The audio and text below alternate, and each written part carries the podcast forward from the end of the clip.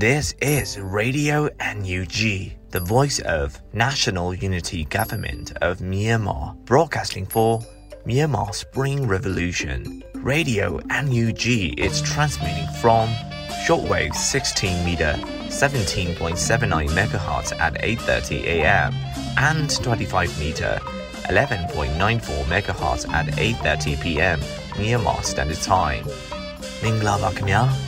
အမျိုးသားညီညွတ်ရေးအစိုးရရဲ့အတန်လွင့်ဌာန Radio NUG ကိုမနက်ပိုင်း၈နာရီခွဲမှာလိုင်းတို16မီတာစက္ကန့်တက်သမ9 MHz ညပိုင်း၈နာရီခွဲမှာလိုင်းတို25မီတာ17တက်သမ6 MHz တို့မှာဓာတ်ရိုက်ဖမ်းယူနိုင်နိုင်ပါပြီမင်္ဂလာအပေါင်းနဲ့ပြည့်စုံကြပါစေအခုချိန်ကစပြီး Radio NUG အစီအစဉ်တွေကိုဓာတ်ရိုက်အတန်လွှင့်ပေးနေပါပြီ။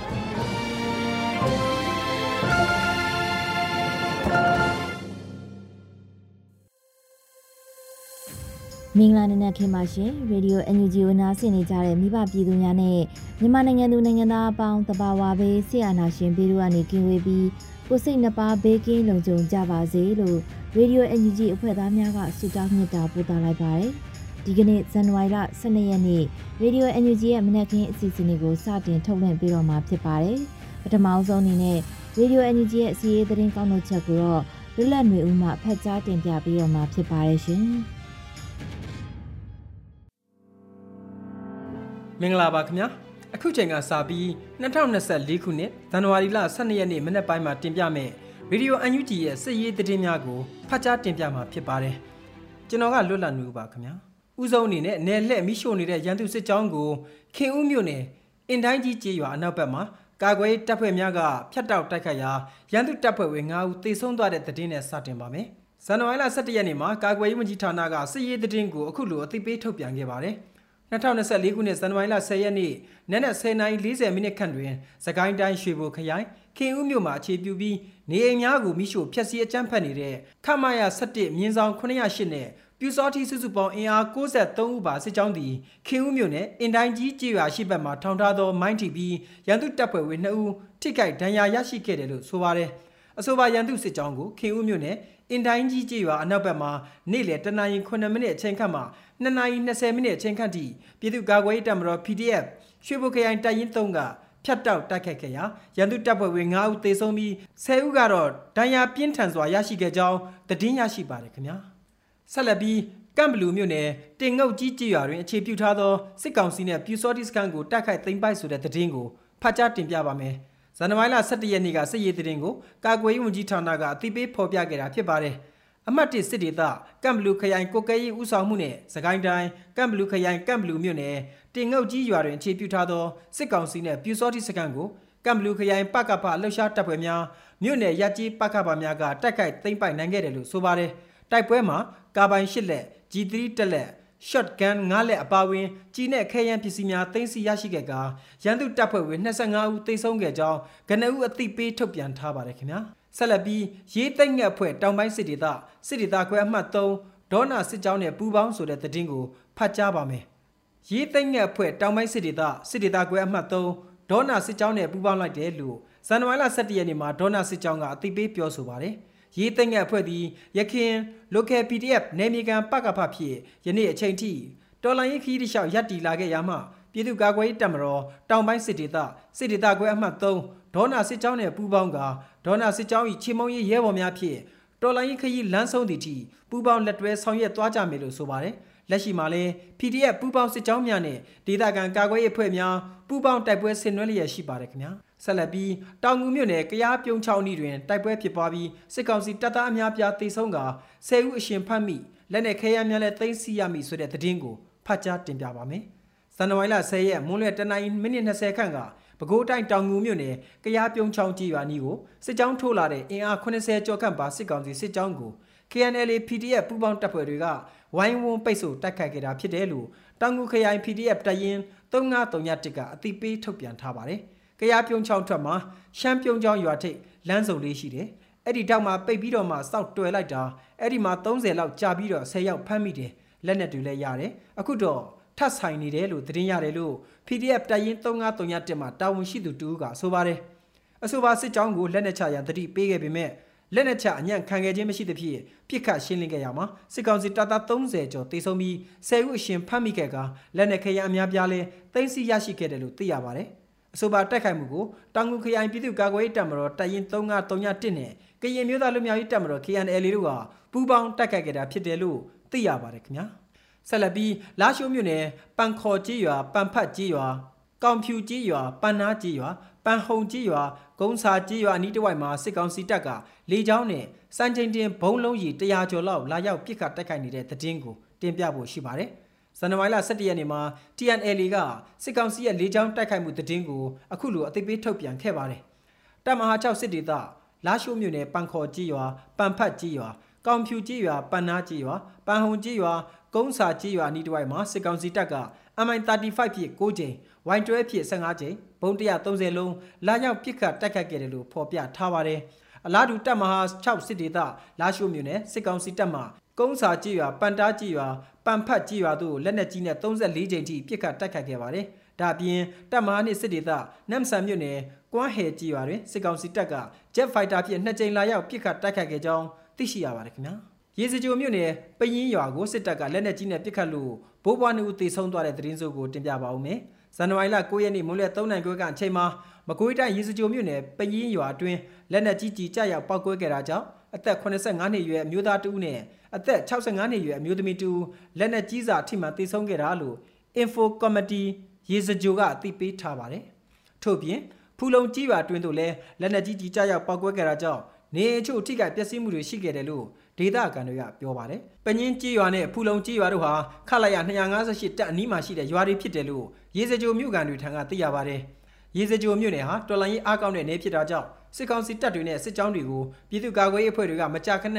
ရင်ဆိုင်တိုက်ခိုက်လေးရှိပါတယ်ခင်ဗျာမိုးကုတ်မြို့အနောက်ပိုင်းဘော်မားကြီးရွာသို့အကြမ်းဖက်စစ်ကောင်စီကလက်နက်ကြီးနဲ့ရန်တမ်းပစ်ခတ်ရမှာအယက်သားတူလက်နက်ကြီးကြီးထိမှန်လို့ပွဲချင်းပြီးတေဆုံးသွားတဲ့တဲ့တင်ကိုတင်ပြပါဦးမယ်ဇန်နဝါရီလ17ရက်နေ့မှာပြည်သူ့ကာကွယ်ရေးအဖွဲ့မိုးကုတ်မြို့နယ်ကအခုလိုအသိပေးပြောဆိုခဲ့ပါတယ်ဇန်နဝါရီလ10ရက်ည8:30မိနစ်ခန့်မှာမိုးကုတ်မြို့အနောက်ပိုင်းဘော်မားကြီးရွာသို့အကြမ်းဖက်စစ်ကောင်စီကလက်နက်ကြီးနဲ့ရန်တမ်းပစ်ခတ်ရာဥလော်ဆုံးအသက်45နှစ်အားထိမှန်၍ပွဲချင်းပြီးတေဆုံးသွားက၎ င်းနေထိုင်သောအိမ်နဲ့ဘေးအိမ်တအိမ်မှာလည်းလက်နက်ကြီးထိမှန်ပျက်စီးသွားခဲ့တယ်လို့ဆိုပါတယ်။အကြမ်းဖက်စစ်ကောင်စီကစစ်ရေးနိုင်ငံရေးတန်တမာရေးစီးပွားရေးအဖက်ဖက်မှာပြိုကွဲနေပြီးဘက်စုံအရှုံးနဲ့ရင်ဆိုင်နေရခြင်းတွင်ပြည်သူများအားရန်သူတပွဲတတ်မှတ်၍စစ်ရေးပြစ်မှတ်မဟုတ်သောကြီးရွာများသို့လက်နက်ကြီးနဲ့ရန်တမ်းပစ်ခတ်တပ်ဖြတ်ခြင်းသည်နိုင်ငံတကာစစ်ရာဇဝမှုများကိုချိုးဖောက်ရာရောက်တယ်လို့လည်းမိုးကုတ်ပကဖကအသိပေးထုတ်ပြန်ခဲ့ပါတယ်ခင်ဗျာ။တောတာရှင်များခုနားဆင်ကြရတဲ့သတင်းတွေကို ရေဒီယိုအန်ဂျီသတင်းတော်မင်းတီဟန်ကိုခန့်နဲ့မင်းစစ်သွေးတို့ကပေးပို့ထားတာဖြစ်ပါတယ်ခင်ဗျာ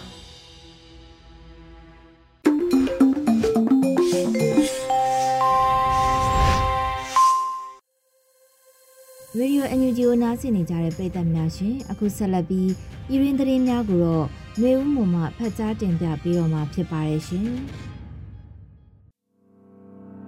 မင်္ဂလာမနက်ခင်းပါရှင် 2024ခုနှစ်ဇန်နဝါရီလ12ရက်နေ့ Radio NUG ပြည်တွင်သတင်းတွေကိုတင်ပြပေးသွားပါမယ်ကျွန်မကတော့ຫນွေဦးမုံပါ2024ခုနှစ်ဟာစေအုပ်ချုပ်ရေးရန်တရားကိုပြီးသက်ဖျက်သိမ်းရမှာလည်းဖြစ်တယ်လို့ပြည်သူ့အုပ်ချုပ်ရေးရန်တရားကိုလည်းစနစ်တကျထူထောင်ဖို့ကိုလှုံ့ဆော်ကြမယ်နှစ်ဖြစ်တယ်လို့ပြည်ထောင်စုဝန်ကြီးချုပ်ပြောကြားတဲ့သတင်းကိုတင်ပြပေးပါမယ်။ဇန်နဝါရီလ17ရက်မှာကျင်းပတဲ့ဂျာကာလဒေသန္တရပြည်သူ့အုပ်ချုပ်ရေးဖော်ဆောင်မှုဗဟိုကော်မတီအစည်းအဝေးမှာပြည်ထောင်စုဝန်ကြီးချုပ်ကအခုလိုပြောပါတယ်။ စိုးမိုးထိန်ချုပ်နယ်မြေတွေလည်းဒီနှစ်မှာတစ်စင်းပြီးတစ်စင်းတိုးတက်လာအောင်လှုံ့ဆော်ပေးကြဖို့သက်ဆိုင်ရာတာဝန်ရှိသူများကိုလည်းတိုက်တွန်းလိုပါကြောင်းကျွန်တော်တို့အနေနဲ့လက်နက်ခဲယမ်းလိုအပ်ချက်ရှိနေပေမဲ့လည်းစူးစူးစီးစီးနဲ့ခိုင်မာတဲ့စိတ်ဓာတ်တွေနဲ့ယနေ့လိုအောင်ပွဲတွေတဆင်ပြီးတဆင့်ရလာခဲ့တဲ့အနေအထားကိုဗျူဟာကြကြ CAPR တွေဇက်တိုက်ပေးသွားနိုင်မယ်ဆိုရင်အောင်ပွဲတွေဆက်လက်ဆင်နွှဲနေနိုင်မှာဖြစ်ပါကြောင်းဒီနေ့ဟာစေအုပ်ချုပ်ရေးရန်တရားကိုပြီးသက်ဖျက်သိမ်းရမှာလည်းဖြစ်တယ်လို့ပြည်သူ့အုပ်ချုပ်ရေးရန်တရားကိုလည်းစနစ်တကျထူထောင်မှုကိုလှုံ့ဆော်ကြမဲ့နှစ်ဖြစ်တာကြောင့် စည်ရေးပိုင်းနဲ့အုပ်ချုပ်ရေးပိုင်းတွေမှာပါတပြိုင်နက်စီမံတွေလည်းစနစ်တကျချမှတ်သွားကြဖို့လိုပါကြောင်းဝန်ကြီးချုပ်ကပြောပါတယ်။ဆက်လက်ပြီးတက်ရောက်လာကြတဲ့ဂျာကာလာဒေသန္တရပြည်သူ့အုပ်ချုပ်ရေးဖော်ဆောင်မှုဗဟိုကော်မတီဖွဲ့ဝင်များကတင်မြင့်ဆောင်2024မှာချမှတ်ထားတဲ့ဆုံးဖြတ်ချက်ရှေ့လုပ်ငန်းစဉ်များနဲ့ပတ်သက်ပြီးပြီးစီးမှုအခြေအနေများနဲ့ဆက်လက်ဆောင်ရွက်ရန်ကြံရှိနေတဲ့လုပ်ငန်းစဉ်တွေကိုချပြရှင်းလင်းပြီးတက်ရောက်လာတဲ့တာဝန်ရှိသူများကကြဲတွင်ဆွေးနွေးခဲ့ကြပါတယ်။စီဝေးကို ပြည်ထောင်စုဝန်ကြီးချုပ်မန်ဝင်းခိုင်တန်းဦးဆောင်ကပြည်ထောင်စုဝန်ကြီးများဒုတိယဝန်ကြီးများအမြဲတမ်းအတွင်းဝင်များတွဲဘက်အမြဲတမ်းအတွင်းဝင်များနဲ့ဌာနဆိုင်ရာများမှတာဝန်ရှိသူများတက်ရောက်ခဲ့ကြပါတယ်ရှင်။ထိန်းချုပ်စိုးမိုးနယ်မြေများတွင်တရားဥပဒေစိုးမိုးမှုနဲ့တရားစီရင်စနစ်ကိုပြည်သူများလက်လန်းမီလာနိုင်ရေးဟာအင်မတန်မှအရေးကြီးလာပြီဖြစ်ကြောင်းပြည်ထောင်စုဝန်ကြီးချုပ်ပြောကြားတဲ့သတင်းကိုဆက်လက်တင်ပြပေးပါမယ်။ မြို့သားညီညွတ်ရေးအစိုးရထိန်းချုပ်စိုးမိုးနယ်မြေများမှာတရားဥပဒေစိုးမိုးမှုနဲ့တရားစီရင်စနစ်ကိုပြည်သူများလက်လန်းမီလာနိုင်ရေးဟာအင်မတန်မှအရေးကြီးလာပြီဖြစ်ကြောင်းဇန်နဝါရီလ17ရက်မှာပြုလုပ်တဲ့ဂျာကာလပြည်သူတရားစီရင်ရေးဖော်ဆောင်မှုကော်မတီအစည်းအဝေးမှာပြည်ထောင်စုဝန်ကြီးချုပ်ကပြောပါတယ်။ စီရဲရှေမြင့်ဖိအားပေးလာနိုင်သည်နဲ့ကျွန်တော်တို့ဆိုရအနေနဲ့နယ်မြေများတိုက်ခိုက်စိုးမိုးသိမ့်ပိုက်လာနိုင်ပြီး၎င်းနယ်မြေများရှိပြည်သူများရဲ့လုံခြုံရေးကဏ္ဍပြည်သူ့အချုပ်ရေးကဏ္ဍပြည်သူများရဲ့နေ့စဉ်လူမှုဘဝကိုကာကွယ်ပေးနိုင်ရေးကဏ္ဍများနဲ့အတူတရားဥပဒေစိုးမိုးမှုနဲ့တရားစီရင်ရေးစနစ်ကိုပြည်သူများလက်လန်းမီလာနိုင်ရေးဟာအင်မတန်မှအရေးကြီးလာပြီဖြစ်ပါကြောင်းဒါကြောင့်ကျွန်တော်တို့မျိုးသားညီညွတ်ရေးအစိုးရအနေနဲ့ထိန်းချုပ်စိုးမိုးနယ်မြေများမှာလွတ်လပ်ရေးတရားမျှတသောတရားစီရင်ရေးတရက် လွှမ်းခြုံဝန်ဆောင်မှုပြုနိုင်စေရန်အတွက်ဂျာကာလပြည်သူတရားစီရင်ရေးဖော်ဆောင်မှုကော်မတီဖွဲ့စည်းပြီး focal ဖြစ်တဲ့တရားရေးဝန်ကြီးဌာနကဦးဆောင်ပြီးတည်ရရေးနဲ့လူမှုကြီးကြပ်ဝန်ကြီးဌာန၊ကာကွယ်ဝန်ကြီးဌာနနဲ့ကြံဝန်ကြီးဌာနများပေါင်းဆက်ကစ조사ဖော်ဆောင်လျက်ရှိသည်မှာလည်းအားလုံးအသေးပဲဖြစ်ပါကြောင်းဝန်ကြီးချုပ်ကဆိုပါတယ်။အဲဒီနောက်တက်ရောက်လာကြတဲ့ဂျာကာလပြည်သူတရားစီရင်ရေးဖော်ဆောင်မှုကော်မတီဖွဲ့ဝင်များက17မြင်းဆောင်2023မှာချမှတ်ထားတဲ့ဆုံးဖြတ်ချက် ရှေ့လုပ်ငန်းစဉ်များနဲ့ပတ်သက်၍ပြီးစီးမှုအခြေအနေများနဲ့ဆက်လက်ဆောင်ရွက်ရန်ကြံရှိနေတဲ့လုပ်ငန်းစဉ်တွေကိုချပြရှင်းလင်းပြီးတက်ရောက်လာတဲ့တာဝန်ရှိသူများကအကြံတော်ဆွေးနွေးခဲ့ကြပါတယ်။ဇီဝေးတို့ပြည်ထောင်စုဝန်ကြီးချုပ်မန်ဝင်းခိုင်တန်းဦးဆောင်ကပြည်ထောင်စုဝန်ကြီးများဒုတိယဝန်ကြီးများအမြဲတမ်းအတွင်းဝင်များတွဲဘက်အမြဲတမ်းအတွင်းဝင်များနဲ့ဌာနဆိုင်ရာများမှတာဝန်ရှိသူများတက်ရောက်ခဲ့ကြပါတယ်ရှင်။ မကွေးတိုင်းကံကောခရိုင်နဲ့ပခုတ်ကွေခရိုင်အတွင်းရှိစစ်ရှောင်းစခန်းများထံသို့ဒုတိယဝန်ကြီးဒေါက်တာငိုင်းထမ်းမောင်တွားရောက်၍လူသားချင်းစာနာမှုအကူအညီများပံ့ပိုးပေးခဲ့တဲ့တဲ့ရင်ကိုတင်ပြပေးပါမယ်။မကွေးတိုင်းကံကောခရိုင်နဲ့ပခုတ်ကွေခရိုင်အတွင်းရှိစစ်ရှောင်းစခန်းများထံသို့ဒုတိယဝန်ကြီးဒေါက်တာငိုင်းထမ်းမောင်တွားရောက်၍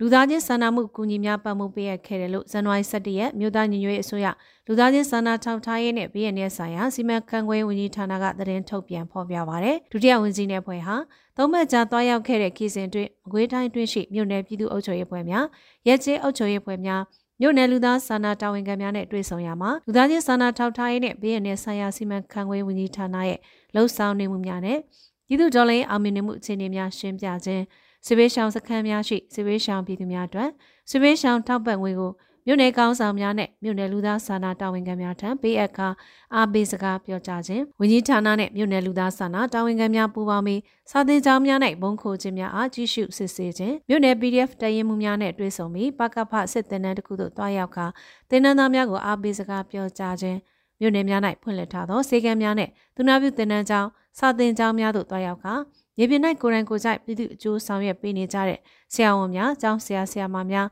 ကျောင်းသားကျောင်းသူများကိုကျေးဇူးတင်စကားအားပေးစကားပြောကြားခဲ့ခြင်းတို့ဆောင်ရွက်ခဲ့ပါတယ်။ဒါအပြင်မျက်စိနှစ်ဖက်လုံးနဲ့လက်တစ်ဖက်ဆုံးရှုံးခဲ့ရတဲ့ရဲဘော်တဦးထံသွားရောက်လဲပတ်ပြီးကုညီပံမိုးငွေပံမိုးခဲ့ခြင်းကြာဆုံးရဲဘော်တဦးရဲ့ရက်လက်တရားနာစွန့်တို့အစီအစဉ်တွင်ပါဝင်ဆောင်ရွက်ခြင်း ခရစ်စမတ်နေ့ရက်နဲ့နှစ်တကူရက်များ၌ရောက်ရှိသည့်မြို့နယ်များအတွင်းရှိပြည်သူများနဲ့တသားတဲ့ခရစ်စမတ်ပွဲနှစ်တကူပွဲများမှာပါဝင်ဆင်နွှဲခြင်းတွေကိုဆောင်ရွက်ခဲ့တယ်လို့သတင်းရရှိပါရရှင်။စစ်ကောင်စီနဲ့ညီနောင်သုံးဖွဲ့ကြားကတတိယကြိမ်ဆွေးနွေးပွဲရလက်မထွက်ဆွေးနွေးပွဲပြတ်တဲ့သတင်းကိုဆက်လက်တင်ပြပေးပါမယ်။တရုတ်ဆိုရရဲ့ဂျောင်းဝင်စစ်ဆက်ပေးမှုနဲ့စစ်ကောင်စီနဲ့ညီနောင်မဟာမိတ်သုံးဖွဲ့တို့တတိယကြိမ်ဆွေးနွေးပွဲတရက်ကို ကုမင်းမြို့မှာပြုလုပ်ခဲ့ကြပေမဲ့ရလက်မထွက်ပဲဆွေးနွေးပွဲပြတ်သွားတယ်လို့ရှမ်းတန်တော်စစ်သတင်းဌာနရဲ့ဖော်ပြချက်အရသိရပါဗျ။ဇန်နဝါရီ9ရက်ကနေ9ရက်ထိပြုလုပ်ခဲ့တဲ့အဆိုပါဆွေးနွေးပွဲမှာစစ်ကောင်စီကကိုကန်အထူးဒေသတက်ကိုကိုကန်တက် MNDA ကိုအုပ်ချုပ်ခွင့်ပေးမည်ဖြစ်ပေမဲ့ MNDA အနေနဲ့လက်နက်ချပြီးစစ်ကောင်စီလက်အောက်မှာနေရမယ်လို့တောင်းဆိုခဲ့တဲ့အတွက် MNDA ဘက်ကတင်းမာမှုဖြစ်ပြီးဆွေးနွေးပွဲပြတ်သွားခဲ့တယ်လို့ဆိုပါတယ်။ တစ်ဖက်မှာလည်းကိုကန့်တက်မတော် MNDA ကရှမ်းပြည်နယ်မြောက်ပိုင်းကိုကန့်ဒေသတစ်ခုလုံးကိုသိမ်းပိုက်ထားပြီးအထူးဒေသဖြစ်တည်ထောင်နိုင်ပြီဖြစ်တယ်လို့ထုတ်ပြန်ကြေညာထားပါတယ်။စစ်ကောင်စီနဲ့ညီနောင်မဟာမိတ်သုံးဘွဲတို့ဟာပြီးခဲ့တဲ့ဒီဇင်ဘာ17ရက်မှ23ရက်ထိတရုတ်နိုင်ငံမှာပထမဆုံးတွေ့ဆုံဆွေးနွေးခဲ့ပြီးယာယီအပြစ်ခတ်ရစဲရန်သဘောတူညီခဲ့ကြပေမဲ့တိုက်ပွဲတွေဆက်လက်ဖြစ်ပွားခဲ့ပါတယ်။အလားတူဒီဇင်ဘာ22ရက်မှဒီဇင်ဘာ24ရက်ထိဒုတိယကြိမ်ဖြစ်ထပ်မံတွေ့ဆုံခဲ့ပြီးစစ်ကောင်စီဘက်မှရှမ်းမြောက်ဒေသ စစ်ရှင်ရော်ရေးနဲ့ညီနောင်မဟာမိတ်ဘက်မှလူသားချင်းစာနာထောက်ထားမှုတွေနဲ့ညီနိုင်ဆွေးနွေးခဲ့ကြပါသေးတယ်။တတိယကြိမ်ဆွေးနွေးမှုပြတ်ပြီးတဲ့နောက်ရှမ်းမြောက်ဒေသကတိုက်ပွဲတွေဟာလာရှိုးနဲ့မန္တလေးလိုမြို့ကြီးတွေထိပြန့်နှံ့သွားနိုင်တယ်လို့ဒေသခံတွေကသုံးသပ်ပြောဆိုနေပြီးစိုးရိမ်မှုတွေမြင့်တက်လာနေပါတယ်။တစ်ဖက်မှာနိုင်ငံနဲ့တဝက်တိုက်ပွဲဖြစ်ပွားနေတဲ့စစ်ကောင်စီကတိုင်းသားလက်နက်ကိုင်တပ်ဖွဲ့တွေနဲ့ငြိမ်းချမ်းရေးဆွေးနွေးနိုင်မှုအပြင်းထန်လှုပ်ရှားနေပြီး NCA လက်မှတ်ရေးထိုးထားတဲ့တိုင်းသားလက်နက်ကိုင်တပ်ဖွဲ့တွေနဲ့ ဇန်နဝါရီလ9ရက်နေ့နဲ့10ရက်နေ့ကတွေ့ဆုံဆွေးနွေးခဲ့သေးတယ်လို့သိရပါတယ်ရှင်။စောတိုက်နယ်ပြည်သူ့အုပ်ချုပ်ရေးတာဝန်ခံကိုတာဝန်မှရနာတဲ့တဲ့ရင်ကိုဆက်လက်တင်ပြပေးပါမယ်။စောတိုက်နယ်ပြည်သူ့အုပ်ချုပ်ရေးတာဝန်ခံကိုတာဝန်မှရနာလိုက်တယ်လို့ဇန်နဝါရီလ17ရက်မှာစောမြို့နယ်ပြည်သူ့အုပ်ချုပ်ရေးဖွဲ့ကတရားဝင်အသိပေးဖော်ပြပါတယ်။ လက်ပေးလက်ယူမှု NUG ဆိုရနာမည်အားအသုံးချပြီးခွန်ငွေဟုကောက်ခံကငွေကြေးအလွဲသုံးစားမှုများပလဖအချုပ်ထောင်တွင်ဖြစ်ပွားခဲ့သောအုပ်စုဖွဲ့မရိမှု၌အမှုမှန်မပေါ်ပါရေးဖုံးကွယ်ခြင်းဖိအားပေးခြင်းများပြုလုပ်ခဲ့ခြင်းများကြောင့်ဂျာကာလဗဟုသို့တင်ပြသောစောတိုက်နယ်အုပ်ချုပ်ရေးတာဝန်ခံအမှုအားဂျာကာလဗဟုမှစောတိုက်နယ်ပြည်သူ့အုပ်ချုပ်ရေးတာဝန်ခံဦးထွန်းထွန်းဝင်းအားတာဝန်များမှရန်နာလိုက်ပါတယ်လို့ဆိုပါတယ်။၎င်းနှင့်ဆက်ဆက်ပြီးအုပ်ချုပ်ရေးလုပ်ငန်းစဉ်များဆက်လက်ပူးပေါင်းဆောင်ရွက်ရမလို့တော့ပဲ ဆက်လက်ဆက်ဆက်ပူးပေါင်းဆောင်ရွက်ရဖြစ်ပေါ်လာသောနောက်ဆက်တွဲပြဿနာများအားပူးပေါင်းဆောင်ရွက်သူများမှသာအပြည့်အဝတာဝန်ယူဖြေရှင်းကြရမယ်လို့စောမြို့နယ်ပြည်သူ့အုပ်ချုပ်ရေးအဖွဲ့ကတည်ပေးကြေညာပါတယ်ရှင်။စစ်ကောင်စီကအုပ်ချုပ်ရေးမှူးအားပြစ်တက်သည်ဟုဆွဆွဲဖမ်းဆီးခံရတဲ့အုပ်ချုပ်ရေးမှူးဟောင်းနဲ့ရွာသား2ဦးဆယ်ရက်ကျော်ကြာသည့်အထိပြန်လည်လွတ်မြောက်လာခြင်းမရှိသေးတဲ့သတင်းကိုဆက်လက်တင်ပြပေးပါမယ်။ ပဲခူးတိုင်းကကော်ပင်ကျေးရွာအုပ်စုရှိစစ်ကောင်စီကအုပ်ချုပ်ရေးမှူးမောင်မြတ်စုသူအားပြစ်တက်ခဲ့တဲ့ဆိုတဲ့ဆွဆွဲချက်နဲ့ဖမ်းဆီးခံထားရတဲ့အုပ်ချုပ်ရေးမှူးဟောင်းဦးမောင်နိုင်စုသူနဲ့ရွာသား2ဦးမှာဆယ်ရက်ကျော်ကြာမြင့်လာတဲ့အထိပြန်လည်လွတ်မြောက်လာခြင်းမရှိသေးဘူးလို့ဒေသခံတွေထံကသိရပါဗျ။ပြစ်သက်ခံခဲ့ရတဲ့အုပ်ချုပ်ရေးမှုမောင်ညံကို2023ဒီဇင်ဘာ30ရက်နေ့မနက်ပိုင်းမှာတာယာရီခိုင်တရင်3839နှစ်တက်ခွဲ3နဲ့တက်ခွဲ2မှရဲဘော်များပူးပေါင်းပြစ်ခတ်ခဲ့တာဖြစ်တယ်လို့အဆိုပါဖွဲ့များကသတင်းထုတ်ပြန်ထားပါတယ်။ အုပ်ချုပ်ရေးမှုမောင်ညံဟာ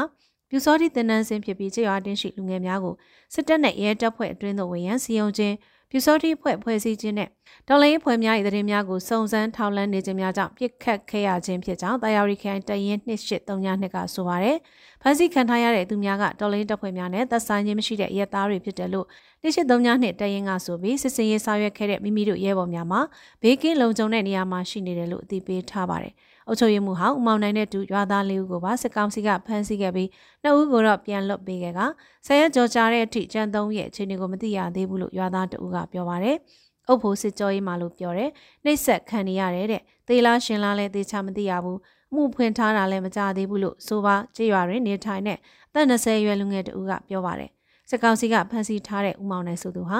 NLD ဆိုရလက်ထက်ကကန့်ကော်ပင်ကျွော်အုပ်စုရဲ့အုပ်ချုပ်ရေးမှုဖြစ်တာဝန်ထမ်းဆောင်ခဲ့ပြီးစစ်ကောင်စီက၎င်းတို့ခံထားတဲ့အုပ်ချုပ်ရေးမှုသေဆုံးခဲ့ခြင်းနဲ့ပတ်သက်ပြီးရခိုင်အုပ်ချုပ်ရေးမှုဟောင်းကိုဆွဆွဲဖမ်းဆီးထားတာဖြစ်ပါတယ်ရှင်။စစ်တောင်းမြစ်ရှေ့ဘက်ချမ်းဒေသတွင်အကြမ်းဖက်စစ်ကောင်စီအကြမ်းဖက်လုပ်ရများအပေါ်ပြည်သူလူထုမှဆန္ဒထုတ်ပေါ်တဲ့သတင်းကိုတင်ပြပေးပါမယ်။ KNU ကင်မျိုးသားစီယုံကော်တုလေအုပ်ချုပ်နယ်မြေကလဲလူထုခိုင်တမဟာ3စောတီမြို့နယ်စစ်တောင်းမြစ်ရှေ့ဘက်ချမ်းဒေသရှိကျေးရွာများ၌ယနေ့ကြာရောက်သော2963ခုနှစ်မြောက်ကရင်မျိုးသားနှစ်သက်ကူနှစ်အားကျင်းပပြုလုပ်ခဲ့ပြီးတက်ရောက်လာတဲ့ပြည်သူလူထုများမှဆန္ဒထုတ်ဖော်ခြင်းများကိုလည်းလှုံ့ဆော်ခဲ့တယ်လို့ဆိုပါတယ်။ ခန်းနာသို့စောတိမြို့နယ်အမြဲတမ်းကော်မတီဝင်နဲ့စစ်တောင်းမြစ်ရှေ့ချမ်းဒေသမှုဖြစ်တဲ့ဘဒိုအက်စတာပါဝဲကျေးရွာရှိရမီရဖများနဲ့ပြည်သူလူထုစုစုပေါင်း200နီးပါးတက်ရောက်ဂုဏ်ပြုခဲ့ကြပြီးစစ်တောင်းမြစ်ရှေ့ဘက်ချမ်းဒေသတဝန်းလုံးတွင်ကင်းအမျိုးသားနှစ်သက်ကူနှစ်ခန်းနာကိုကျင်းပခဲ့ပါတယ်။ခန်းနာကိုမနက်အာရုံတက်ချိန်တွင်စတင်ကျင်းပခဲ့ပြီးကင်းမျိုးသားလန်တော်ကိုလွှင့်တင်ခြင်းအစီအစဉ်နဲ့စတင်က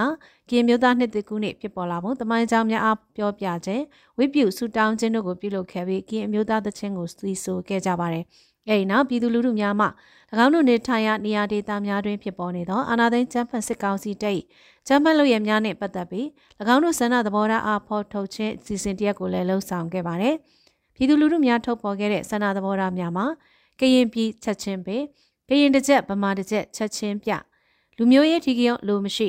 စစ်ကောင်စီတပ်မှကြေရွာများအတွင်းသို့လက်နက်ကြီးများရန်တမ်းပစ်ခတ်မှုများချက်ချင်းရက် စစ်ကောင်စီတပ်မှကြေရွာများအတွင်းသို့လေရင်ဖြင့်ရန်တမ်းပစ်ခတ်မှုများချက်ချင်းရက်စတဲ့အချက်များပါဝင်ပါတယ်ရှင်။ခုတင်ပြခဲ့တဲ့သတင်းတွေကို Radio Energy သတင်းတော့မင်းတီဟန်ကိုခန့်နဲ့မင်းစစ်သွေးတို့ကပေးပို့ထားတာဖြစ်ပါတယ်ရှင်။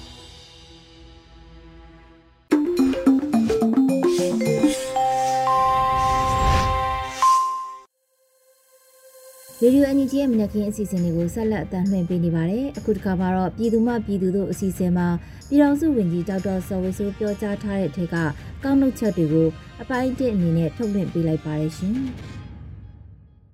2023ကတော့တကယ်တော့ဟိုဒေါ်လာရေးအတွက်တော့ထူးခြားတဲ့နှစ်တစ်နှစ်ဖြစ်ခဲ့ပါတယ်ဒီ2023ကိုထူးခြားနိုင်ဖို့အတွက်အဲ NUG အနေနဲ့ဒေါ်လာရေးအနေနဲ့ ဒီ one year plan ပေါ့နော်တစ်နှစ်စာအဲပြင်ဆင်မှုတွေဟာအဲခရီးရောက်ခဲ့တယ်လို့ဆရာမြင်ပါတယ်2022နဲ့2023ပေါ့နော်2022အဲနှစ်ကုန်တာနဲ့2023နှစ်ကုန်တာကို compare ပေါ့တကယ်ကိုနှိုင်းယှဉ်ကြည့်မယ်ဆိုရင်နံပါတ်1ကတော့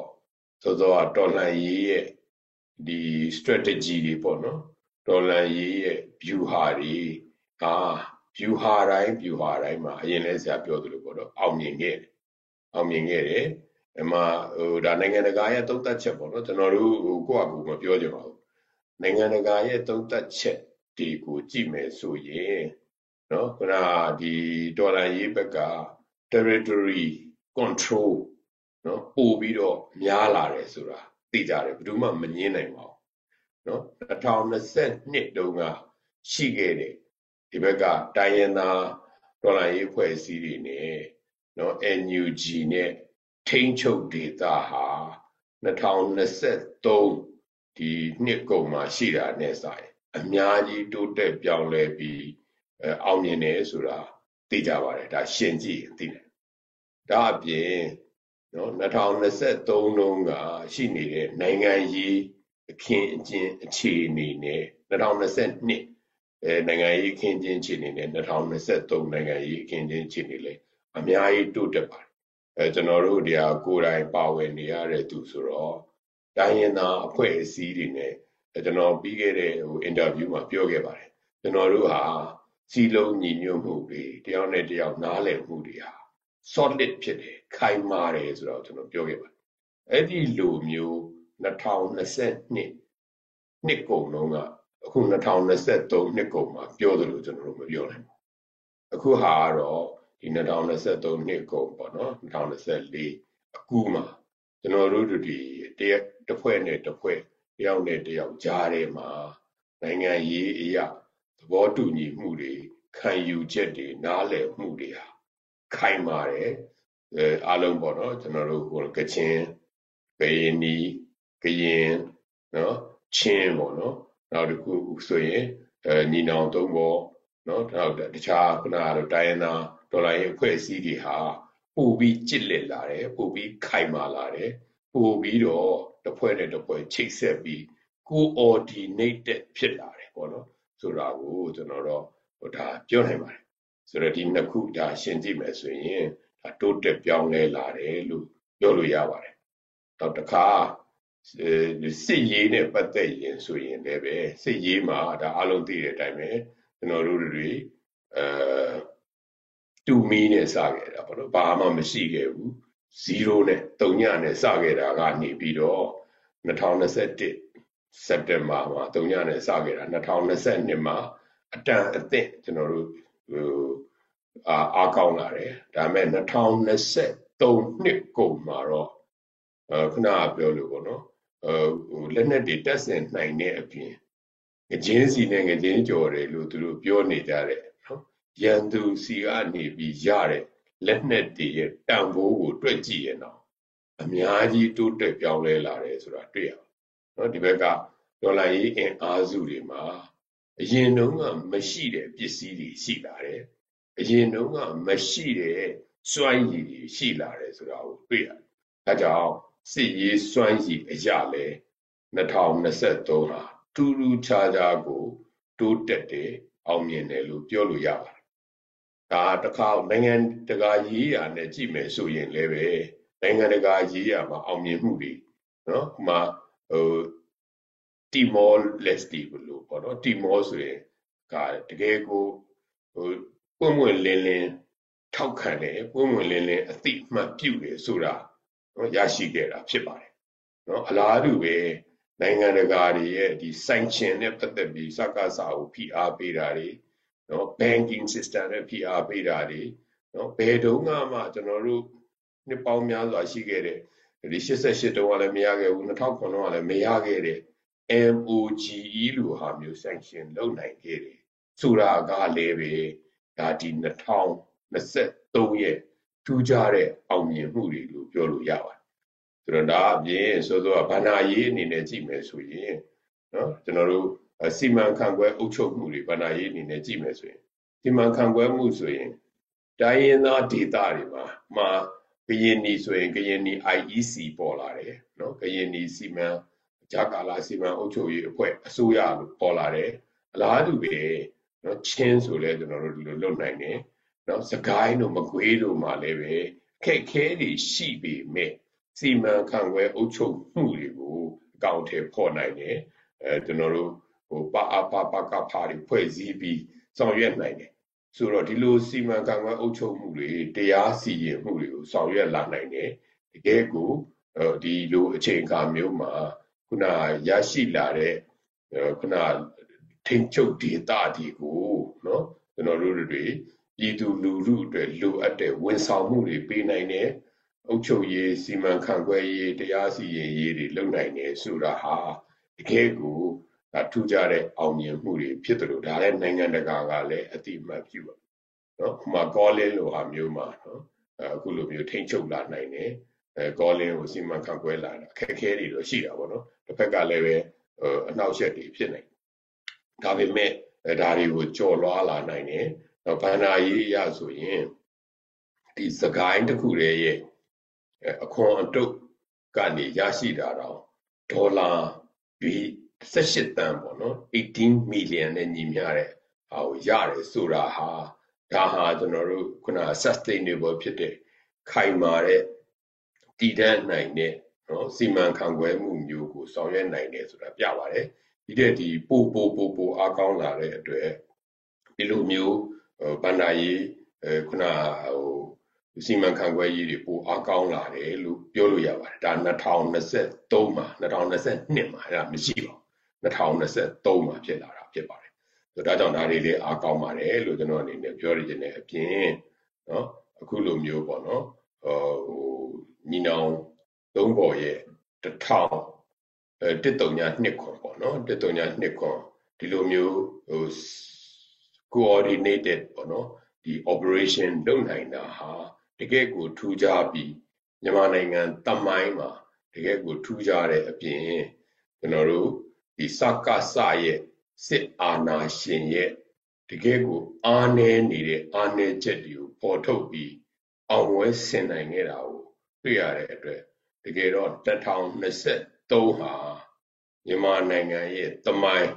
ဒီလိုတော်လှန်ရေးတမိုင်း ခေပြောင်းစနစ်ပြောင်း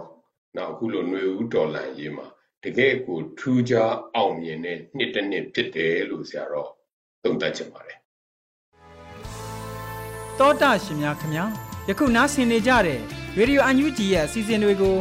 ရေဒီယိုလေးလိုင်းပေါ်မှာတိုက်ရိုက်ဖမ်းယူနားဆင်နိုင်တယ်လို့ website YouTube Telegram Facebook အစရှိတဲ့အခြားသော internet platform မျိုးစုံမှာလည်းမနေ့တစ်ကြိမ်ညတစ်ကြိမ်ပုံမှန်ထုတ်လွှင့်ပေးလျက်ရှိပါတယ် YouTube ပရိသတ်များအနေဖြင့် Radio UNG Channel ဖြစ်တဲ့ youtube.com/radiounug မြန်မာကိုဝင်ရောက် subscribe လုပ်ထားပြီးတော်လိုင်းရစ်အတွက်ထောက်ပို့ဝင်ငွေများကိုတစ်ဖက်တစ်လမ်းကပါဝင်ကူညီနိုင်တဲ့အကြောင်းအသိပေးတင်ပြအပ်ပါတယ်ခင်ဗျာ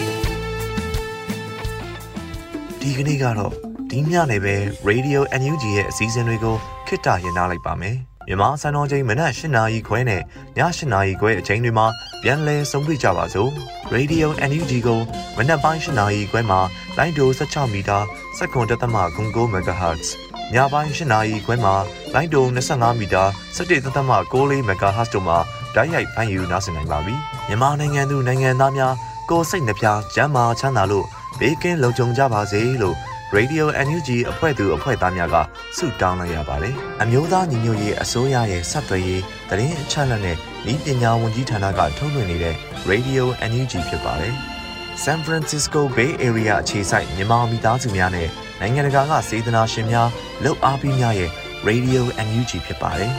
။အရေးတော်ပုံအောင်ရမည်